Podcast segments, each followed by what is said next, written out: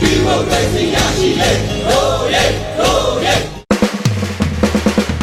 တော်စေအကြောင်းတွေတက်ပြက်လူလူမထူးစားခင်းနေပါဘိုးတက်ဘူးတက်ပြက်လူလူဘိုးတက်ဘူးတက်ပြက်လူလူဘိုးတက်ဘူး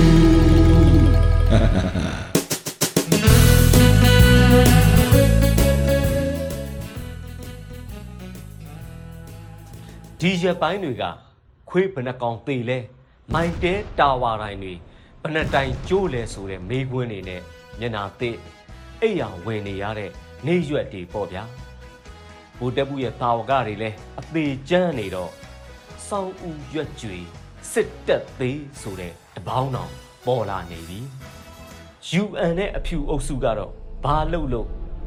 သူတို့စကားသာစောက်ဖက်လုပ်နေရမယ်ဆိုရင်တော့ အစ္စရေးနိုင်ငံတော်ကမ္ဘာမြေပုံပေါ်ကနေပျောက်သွားတာကြာလှပြီပေါ့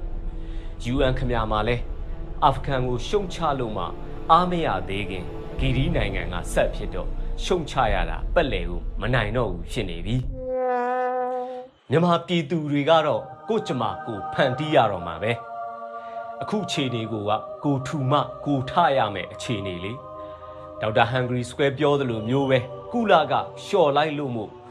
ကိုယ့်ဘာသာလှော်နေရတဲ့အဖြစ်ပဲနောက်ပြီးတော့ဘူရီမွန်ပြောသလိုပဲ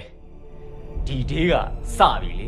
စစ်ကောင်စီတလနဲ့ပြုတ်မလားနှစ်ပေါက်မလားဆိုတာကတော့ကိုရီရဲ့စူးစမ်းမှုနဲ့ပဲစိုင်တော့တယ်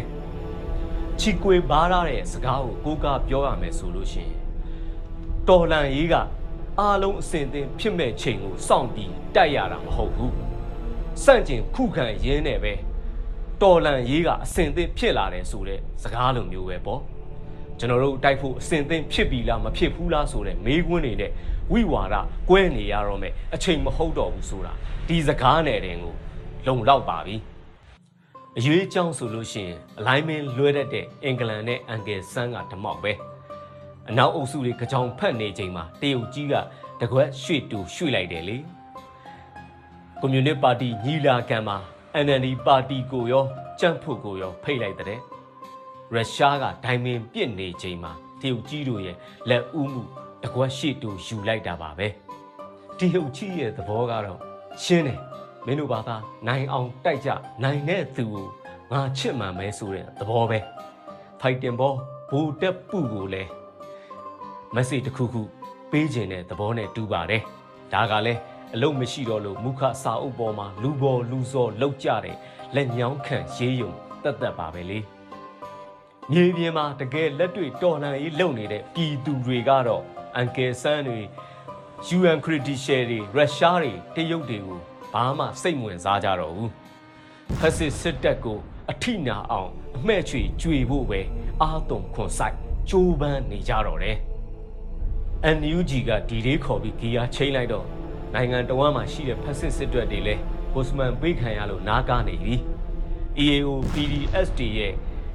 လက်တံပြောင်မှုကြောင့်မလို့ဗိုလ်တက်ပူလဲပြန် flow နေရတော့တယ်။ထုံးစံတိုင်းဖက်စစ်စစ်တပ်တွေကမြို့ကြီးတွေပေါ်မှာရန်ကာပြနေကြတော့မှာပဲလေ။ဘာလို့လဲဆိုတော့